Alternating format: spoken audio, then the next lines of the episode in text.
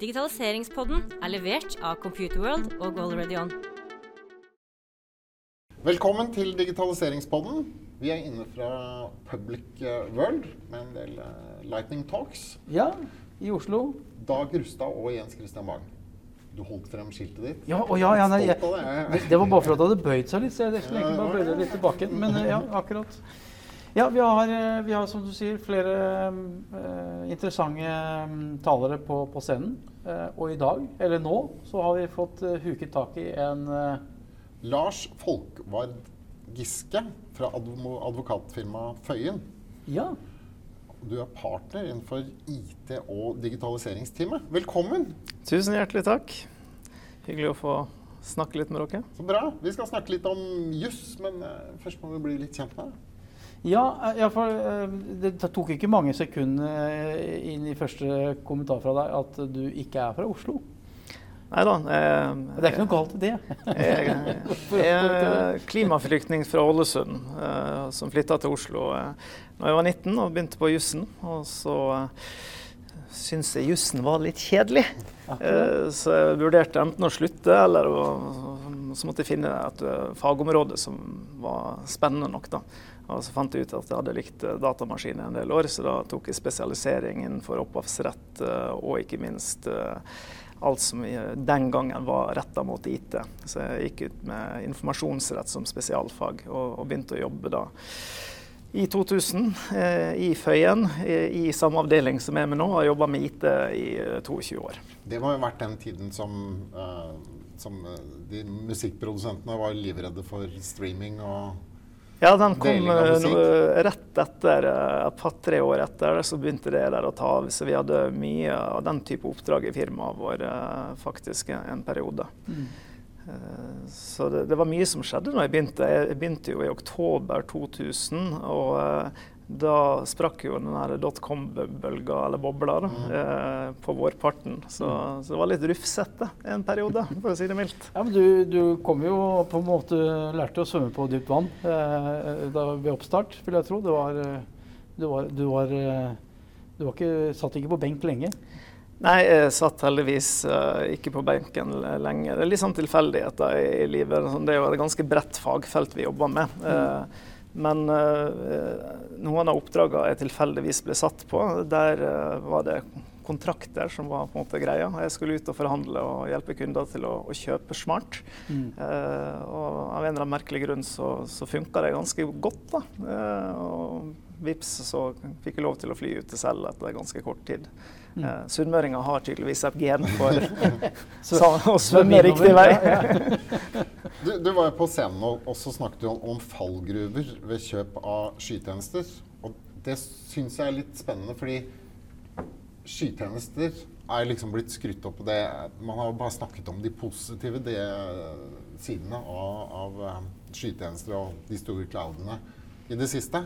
Men, men du var, jeg har jo vært litt mer kritisk til hvilken posisjon kunden har oppi de uh, skyavtalene. Fortell litt om det du har fortalt om på scenen.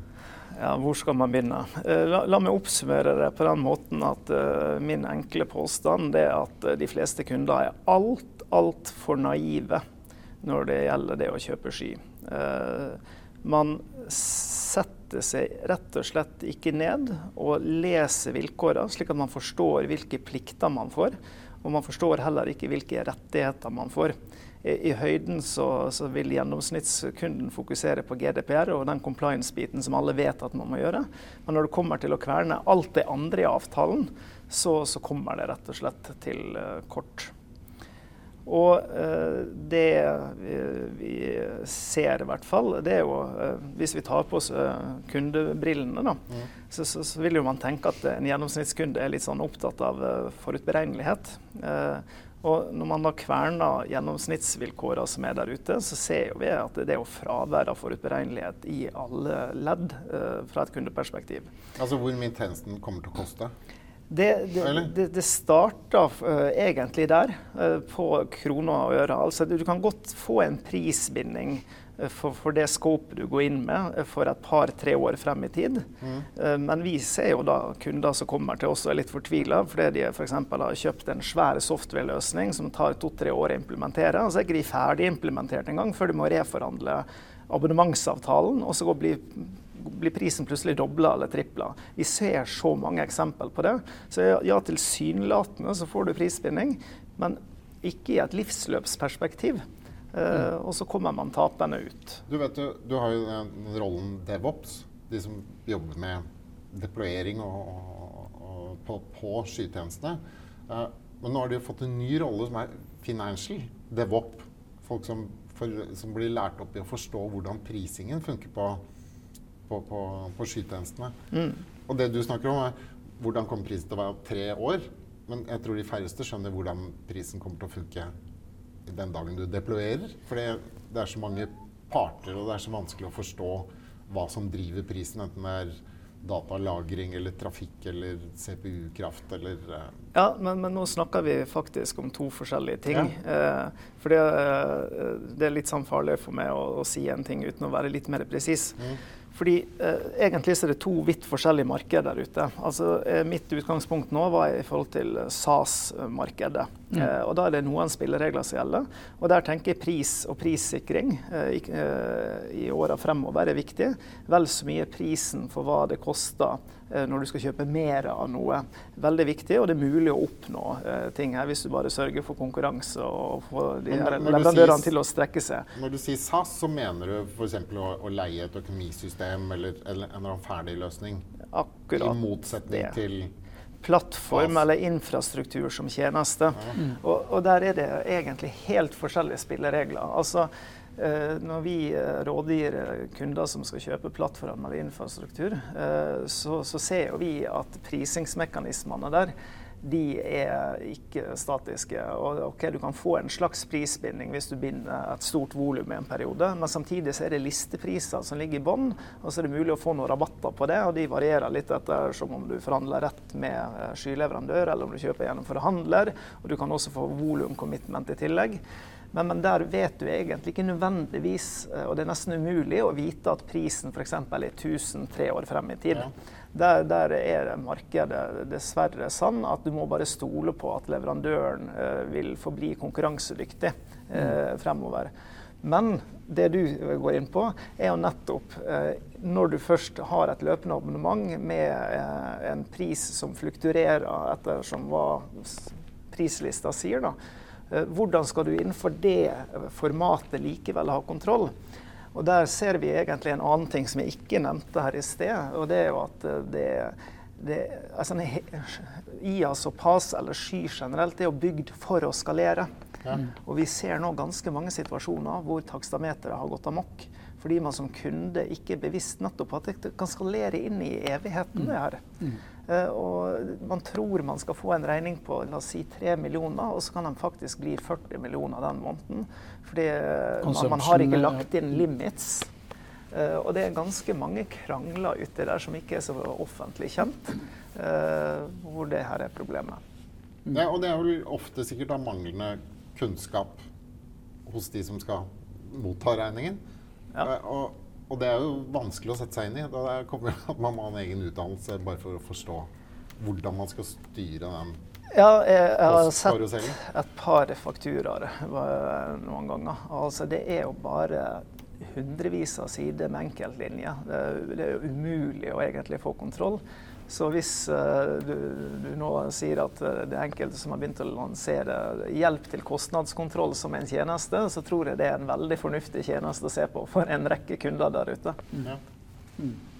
Men jeg, jeg, tenker litt sånn også for jeg, jeg forstår jo uh, det innlegget og, og, vinkelen du kom fra på kundesiden. Så tenker jeg, hvis vi, ser, hvis vi ser litt fra andre siden, da, så ser man på modellen Sky, eller SAS det er jo uh, en forretningsmodell mer enn teknologi. Det er et spleiselag på en tjeneste uh, satt sammen uh, for å serve mange kunder på én plattform. Um, og det er klart at For en leverandørsperspektiv så er det jo noen ganger litt større rammebetingelser som endrer seg, som gjør at kostbildet blir dramatisk endra. Ja. F.eks. GDPR, Schrems 2.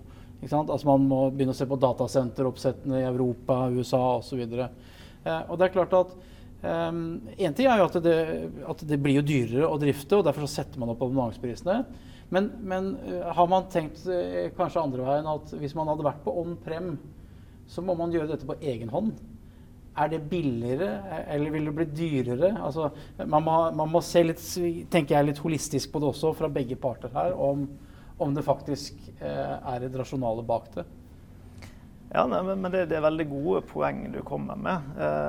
Og når jeg f.eks. Eh, tar opp at det her med pris og prissikring eh, er, noe veldig mange kunder kommer tapende ut av nå, mm. Eh, så, så, går det egentlig ikke på de tingene du sier. fordi at Sett at momssatsen endres fra 25 til 30. Altså helt fair at prisen bør endres, og det bør være mekanismer i avtalen som sikrer nettopp at skyleverandøren kan endre prisene i, i, den grad uh, skatter og avgifter endres. Ikke sant? Mm. Og, og, hvis man plutselig, eh, for å oppnå GDPR-compliance, blir tvunget til å levere i en EU-sky Du kan ikke ha disse teknikerne på Filippinene lenger, eller i USA, og det blir dyrere ja, så, så, tenker jeg at de fleste leverandører gjør to ting. Da. Eh, mm. Det at de opprettholder den opprinnelige tjenesten en stund, eh, og så koster det den, den koster, det, det du har abonnert på. Hvis du har lyst til å kjøpe den nye, litt sånn tryggere ramma med EU-sky, ja, så er det en tilleggstjeneste som koster mer. ikke sant? Mm. Så løser du det på den måten. Men de eksemplene dine der, det handler egentlig ikke om å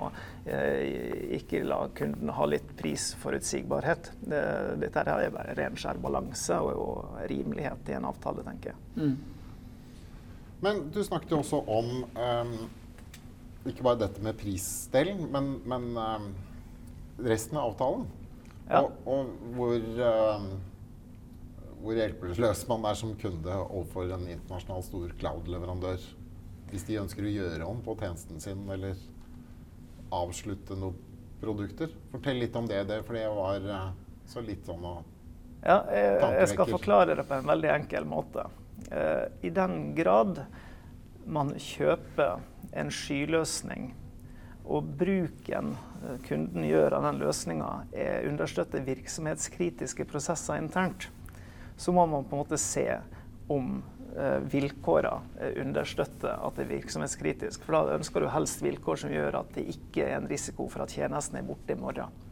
Og ser man på gjennomsnittsvilkårene der ute, hvor eh, det er korte abonnementsperioder. Eh, det er også en del ekstraordinære oppsigelsesmuligheter. Sånn 30 dagers varsel så kan skyleverandøren si opp f.eks. Helt uavhengig av hvor lang tid kunden eh, bruker på å etablere et alternativ. Eller et annet eksempel, det her med endring av funksjonalitet. Det er, sånn, det er, jo helt naturlig når vi kommer til sky. Du forventer jo at du kjøper en dynamisk tjeneste som hele tida er i utvikling og presumptivt blir bedre. Men da er det likevel litt rart at gjennomsnittsvilkårene der ute sier at skyleverandøren kan endre fritt funksjonalitet. Og du kan egentlig strekke det så langt at de kan rett og slett skru av hele produkt i porteføljen sin med, med, med 30 dagers varsel, selv om kanskje en kunde vil bruke et år eller to på å anskaffe et alternativ. Mm. Og det, det, er jo her vi, vi mener det trykket. Eh, altså, er det ikke virksomhetskritisk, så er det kanskje greit nok. Men med en gang det er virksomhetskritisk, så kan ikke gjennomsnittskunden leve med default-vilkårene der ute. Og Det som er så interessant, det er å se at noen har jo tenkt på dette her. Men ikke gjennomsnittskunden, men alle innenfor bank, finans og forsikring Gjennom EU så har jo de sektorspesifikk lovgivning som i sin korthet sier du får ikke lov å sette ut drift av kritiske eller viktige tjenester på en sann måte at det er en sjanse for at butikken stopper i morgen. Mm.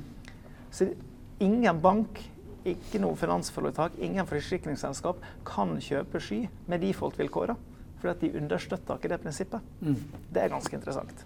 Ja, og, og samtidig, når, når man driver med skal vi si, eh, skyutvikling med, basert på native eh, services. Dvs. Si at uh, du, ikke, du, leier ikke bare en Linux-server som du installerer noe på selv, men du, du leier bare databasen eller forskjellige komponenter.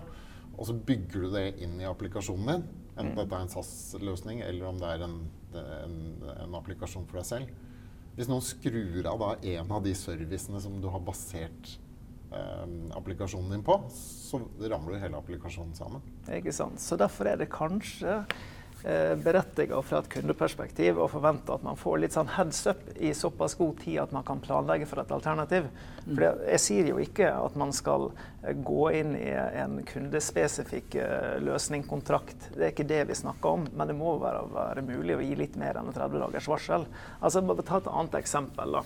Eh, du har flere varianter innenfor de regivilkårene. F.eks. i en databehandleravtale eh, så, vil det f.eks. stå at eh, dersom eh, skyleverandøren skal bytte en hundreleverandør, så har man som kunde eh, mulighet til å si OK til det, eh, eller nei. Og hvis man sier nei, hva er da rettigheten du får? Jo, du kan si opp med én måneders varsel. Altså, sorry Mac, for gjennomsnittsskytjenesten tar det lengre tid å bytte til et alternativ enn én en måned. Altså, du har fått en rettighet som ikke gir deg noe som helst.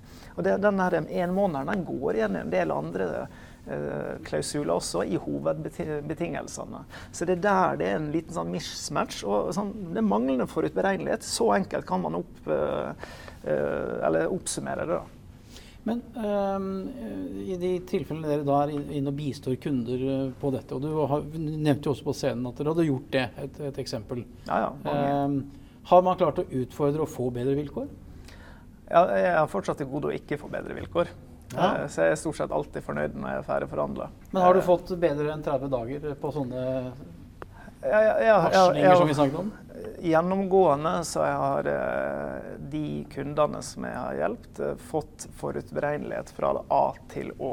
Eh, det handler jo om at vi kommer inn tidlig nok til å påvirke anskaffelsesprosessen slik at det er mulig. Og, mm. altså, skal man kjøpe noe for første gang, så er det egentlig ganske enkelt å, å, sikre det her. Fordi lager man da et fornuftig konkurransegrunnlag med spilleregler uh, som nettopp uh, hensyntar at man vil oppnå den forutberegneligheten, og får frem at man evalueres på det, ja, så, uh, så får jo man vist kortene sine. og så velger stort sett de fleste tilbydere å være med, og da oppnår jo man konkurranse, ikke sant? Og konkurranse er en fantastisk liten sak der ute som gjør at det som regel går sånn man ønsker det til slutt. Så i anskaffelsesprosesser rigger man det riktig, så er det veldig enkelt. Det som er den trikkige, det er jo der uh, kundene som kommer til oss, uh, kommer og bare Hei, Lars, uh, vi trenger hjelp med å reforhandle en avtale. Vi, vi har en abonnementsavtale, har løpt i tre år, nå løper den ut. Og vi ser 150 prisøkning. Mm da er det ofte litt vanskeligere. For det vi ser, er at disse kundene de har på en måte ikke lagt noe strategi for neste forhandling. De har ikke noe exit-strategi, de har ikke noe alternativ lenger. For de har kanskje oppgitt on-prem-løsninga si, veksler den inn i sky. Eh, og så når man da skal reforhandle en abonnementsavtale seks måneder før den går ut, ja, så hva er alternativet da? Det vet jo da skyleverandøren at det er ikke noe alternativ her de neste tre-fire åra. Du må oppgradere en hel masse for å få ja, ja, det tar jo vinter og vår og, og kanskje en vinter og vår til. ikke sant? Og da, da, da blir jo prisen deretter, da. Men når du snakker om skyleverandørene, er det, er det, hvis vi skal sette navn på, på skyleverandøren Vi snakker om Microsoft, AWS, Google. IBM, altså de største ja, Oracle, jeg, jeg setter ikke ja. navn på, på, på, noen av dem. Nei, Men det er liksom den gjengen vi snakker om? Nei, jeg vil si at det gjelder rund baut. Ja. Eh, det er alle som prøver seg. Eh, og jeg må si også at eh, Så nå har jeg forhandla med, med stort sett de fleste. Og eh, når man gjør det, eh, særlig i konkurransesituasjonen, så, så, så får man hyggelige resultat. Eh, og det, det tilsnakkende folk. Mm. Men det må man huske på, særlig når man møter de internasjonale skyleverandørene, det er at de vilkårene er jo ikke skrevet i Norge. ikke sant? De er jo skrevet kanskje i USA eller tilsvarende land. Mm. Eh, hvor de tenker at ja, ja, sånn skal det være, det er public cloud, og det er mulig å skifte fra en dag til neste. Og, så smitter dette over på hvordan det ser ut i Norge. Men uh, mm. går man inn i dialog, så, så, er det mulig å flytte fjell.